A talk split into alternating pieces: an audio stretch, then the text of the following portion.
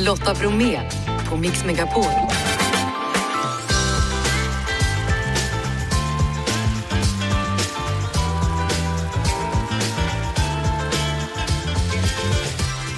Hallå där och varmt välkommen in till oss denna tisdag. Förutom en massa bra musik så finns idag i mixen också norrsken, synligt i både Grekland, Italien och Kina. Forskaren berättar hur och varför.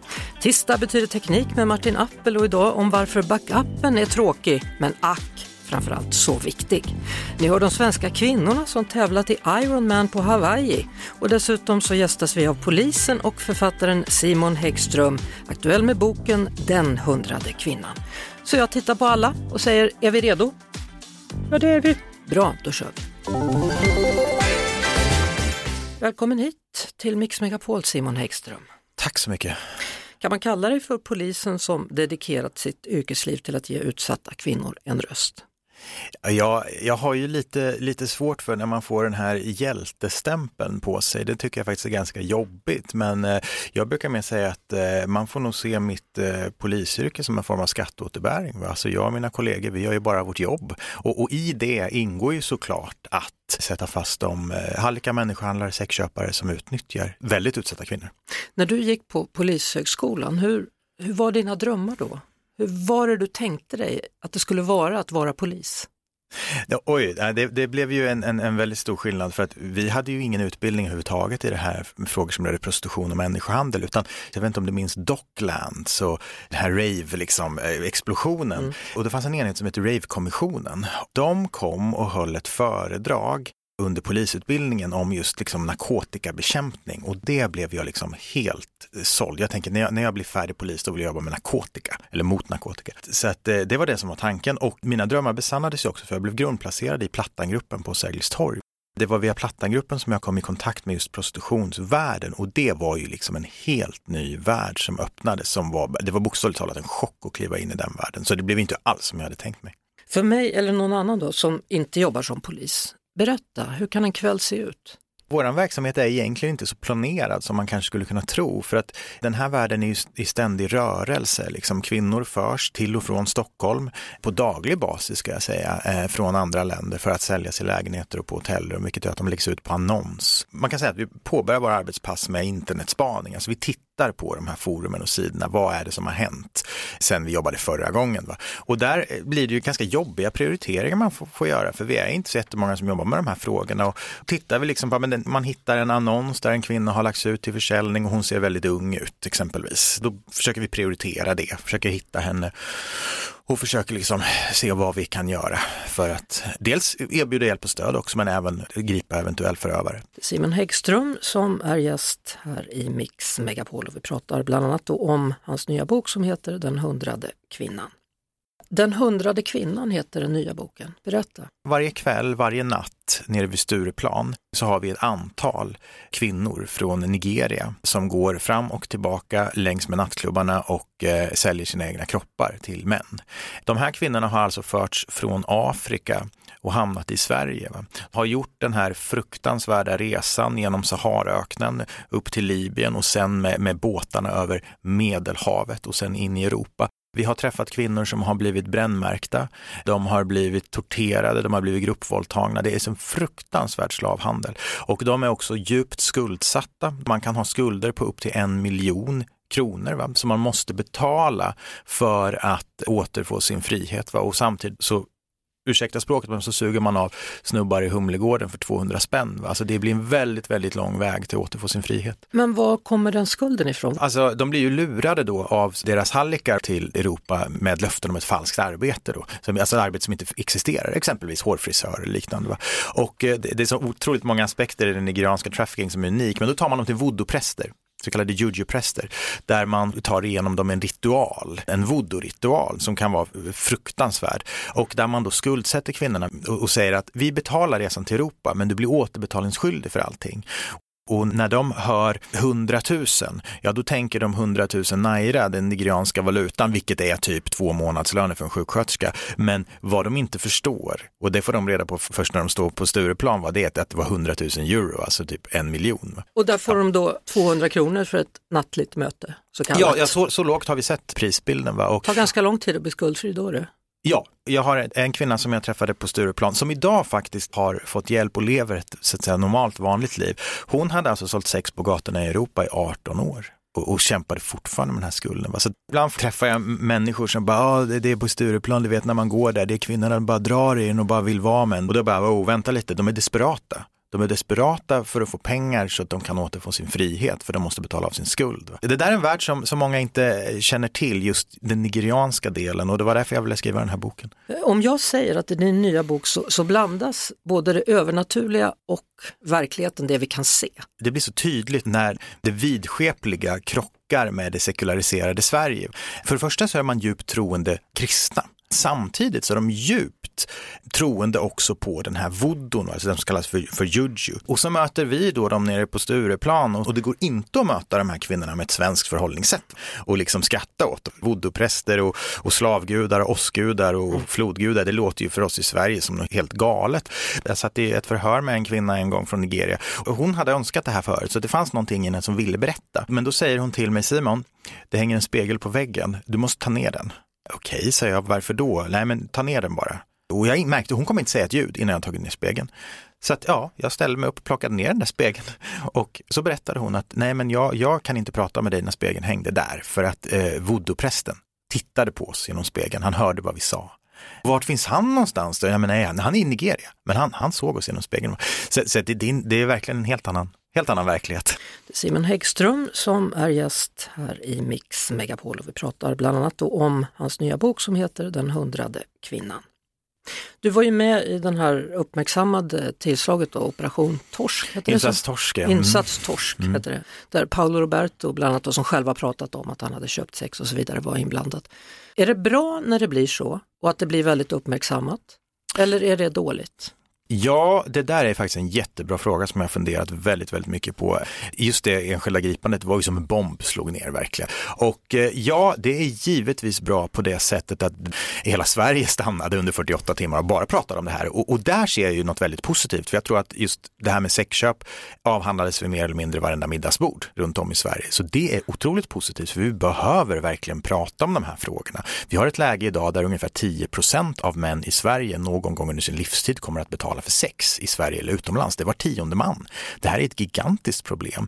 Men jag kan tycka att det är tragiskt att det ska behövas en kändis för att den här frågan ska komma upp på agendan när vi pratar om en av de största brottstyperna som vi har i världen idag. Och jag ska vara helt ärlig, jag tycker att media är otroligt viktigt och det finns många jätteduktiga journalister. Men jag märker ju liksom gång på gång när vi gör en större insats och vi, vi liksom griper 40, 50, 60 män så blir frågan från media, har ni gripit någon kändis? Ja. Annars är man inte intresserad. Va? Och det tycker jag är problematiskt. Eh, men hur ska vi komma åt det här då? Ser du att det finns hopp? Det finns hopp. Mina böcker används mycket ute i skolor och jag är mycket ute. Jag får många inbjudningar att komma ut och prata med tonåringar om de här frågorna och där blir jag verkligen hoppfull. För det finns otroligt många unga idag som är, de är pålästa, uppdaterade på ett sätt som jag överhuvudtaget inte var och som har väldigt, väldigt vettiga och bra värderingar. Så det gör mig ändå faktiskt väldigt hoppfull att jag tror att vi kan vända det här. Men det vi måste göra är att vi måste nå de unga. Det här är värderingar som grundläggs långt, långt tidigare än vad vi vill tro. Och det är så himla viktigt att nå killarna. Vi har ju gigantiska problem och vi har också någon, eh, som en, idag växer man upp med, med porren så lättillgängligt att man en Google-sökning bort kan ta del av material som polisen hade rubricerat som våldtäkt eller grov våldtäkt om det inte hade funnits ett underskrivet kontrakt och en filmkamera. Hur påverkar det människor, i synnerhet unga, att ta del av den här typen av material? Det kan aldrig satsas för mycket på barn och ungdomar va? och då menar jag inte det som vi kanske hör mest i debatterna nu för tiden är ju liksom liksom hårdare tag och, och, så. Men jag tror att det som man verkligen måste storsatsa på är just det förebyggande arbetet. Jag vet att jag redan har ställt den här frågan men jag måste ställa den igen det finns hopp. Det finns hopp. Vad ska vi göra? Säg då, för att det är många som sitter hemma och bara, jag orkar inte höra, det är bara elände överallt. Ja. Då måste jag nog återknyta till just den hundrade kvinnan. Vi pratar mycket om henne i vårt arbete. Det kan vara hur eländigt och det kan vara hur mörkt som helst och det kan vara så att vi misslyckas med att hjälpa 99 kvinnor men vi vet att någonstans där ute så sitter den hundrade kvinnan och som faktiskt väntar på att vi ska komma. Och jag tror att det, det är så man måste tänka. Vad kan alla människor, oavsett om man är polis eller om man jobbar på ett kontor eller om man inte har en arbete alls, men kan jag vara ett föredöme eller hjälpa någon i min närhet? Det är där någonstans det måste börja. Va? Stort tack för att du kom hit Simon Häggström och eh, nya boken heter alltså Den hundrade kvinnan. Tack så mycket. Lotta Bromé på Mix Megapol. Hur har ni haft det? Har ni haft koll på att det har varit norrsken och inte bara norröver utan i andra delar av Europa också. Till och med i Italien och Grekland och så långt bort som i Kina, där har man sett norrsken. Varför och hur? Det undrar man ju. Därför så säger jag välkommen och hej till forskaren Peter Wintoft som är forskare på Institutet för rymdfysik. Ja, hejsan. Ja. Du, brukar man kunna se norrsken i Grekland? Eh, ja, det händer faktiskt eh, när man då har lite större sådana här, vad vi kallar geomagnetisk stormar. Så det är inte helt ovanligt även om det inträffar så ofta. De här stormarna du pratar om, är det när solen är ovanligt aktiv?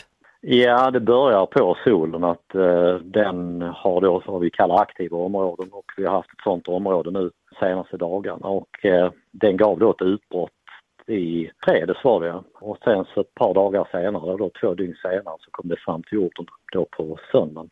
Vad är optimala förutsättningar för norrsken? Ja, det finns flera fenomen men det som är då det starkaste det är det vi kallar att vi har då ett på solen. Och en koronamassuttkastning är helt enkelt ett gasmoln som sticker iväg med hög hastighet från solen. Och är den tillräckligt kraftfull och riktad mot jorden och så träffar den på jordens magnetfält. När vi får de här störningarna på jordens magnetfält det är då vi ser norrsken. Och det är klart att eh, för att se norrsken så måste det vara mörkt till att börja med, så det måste ske på kvällen eller natten då höga latituder som till exempel norra Sverige är ju större chans att se norrsken. Och går man då längre söderut så inträffar det mer sällan. Har det nått sitt max nu då i aktivitet senaste dygnet eller kan man fortfarande se några veckor framöver här? Som det ser ut just nu så har det lugnat ner sig igen. Jag kan inte säga att det är något nytt på gång de närmaste dagarna. Men det kan ju förändras, alltså får vi ett nytt utbrott på solen så, vilket kan ske från samma aktiva område, så kan man kunna se norrsken igen. Om man söker just på norrsken så finns det många olika typer av eh, appar som både försöker göra prognoser av norrsken och som ger en realtidsuppdatering. För att man har ju då sådana här norrskenskameror som kontinuerligt registrerar om det finns något norrsken. Var har du sett ditt finaste norrsken? Eh, ja, det är ju uppe i Kiruna. det är också där vi har vårt huvudkontor.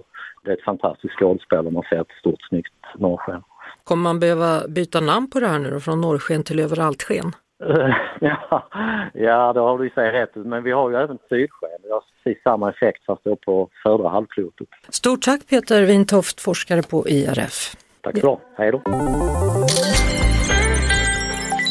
Tekniktipset. Det är tisdag, det betyder tisdagsteknik och det finns ju en del saker i teknikvärlden som är väldigt tråkiga men också väldigt viktiga, nämligen det här med att ta backup på alla våra viktiga dokument. Teknikexperten, PC Ferrars konsumentredaktör Martin Appel, varför är backup så viktigt? Det är ju så viktigt eftersom saker som du har i din mobiltelefon, bilder och videos som du har tagit själv, det finns ju bara på ett ställe. Skulle telefonen bli stulen då kan du köpa en ny telefon, du får försäkringsbolaget förhoppningsvis att betala. Men om bilderna är borta, om videofilerna är borta, då kommer ju ingen kunna rädda dem om de bara ligger i telefonen.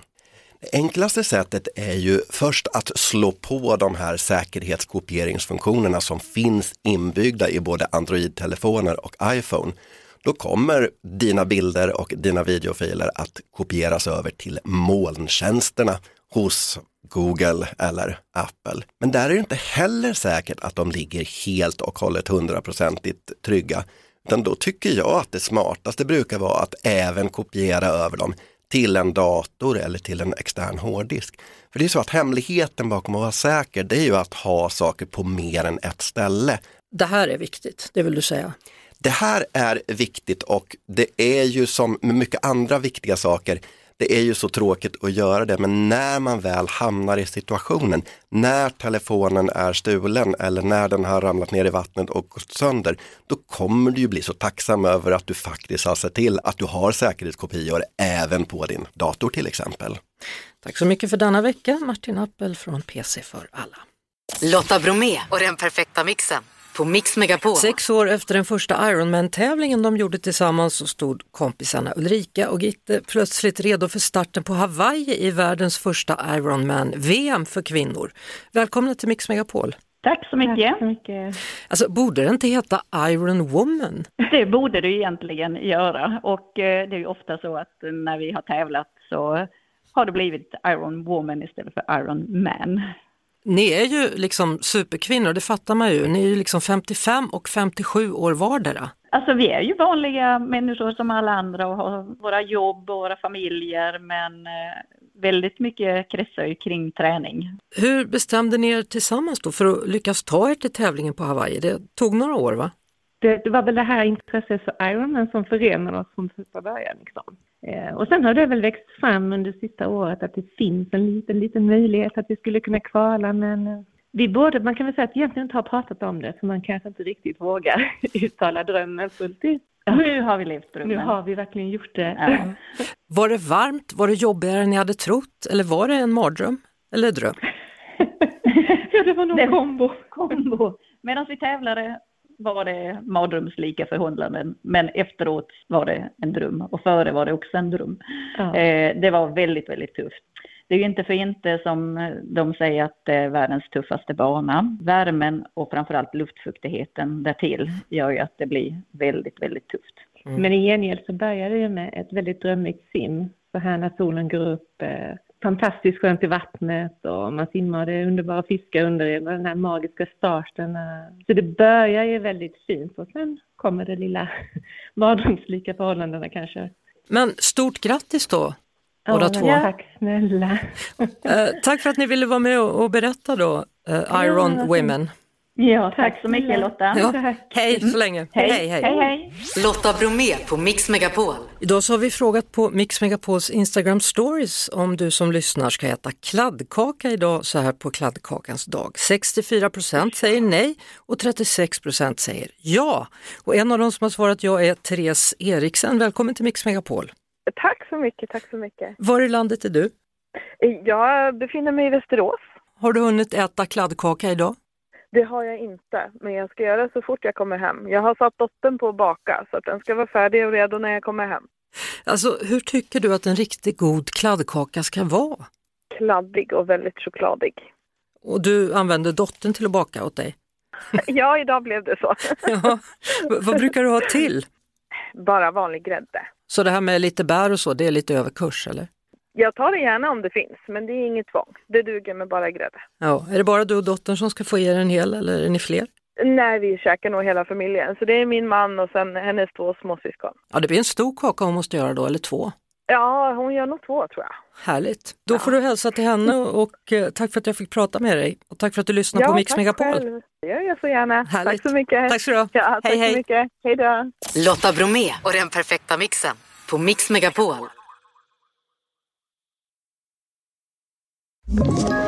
Ett poddtips från Podplay. I fallen jag aldrig glömmer djupdyker Hasse Aro i arbetet bakom några av Sveriges mest uppseendeväckande brottsutredningar. Går vi in med hemlig telefonavlyssning och, och då upplever vi att vi får en total förändring av hans beteende. Vad är det som händer nu? Vem är det som läcker?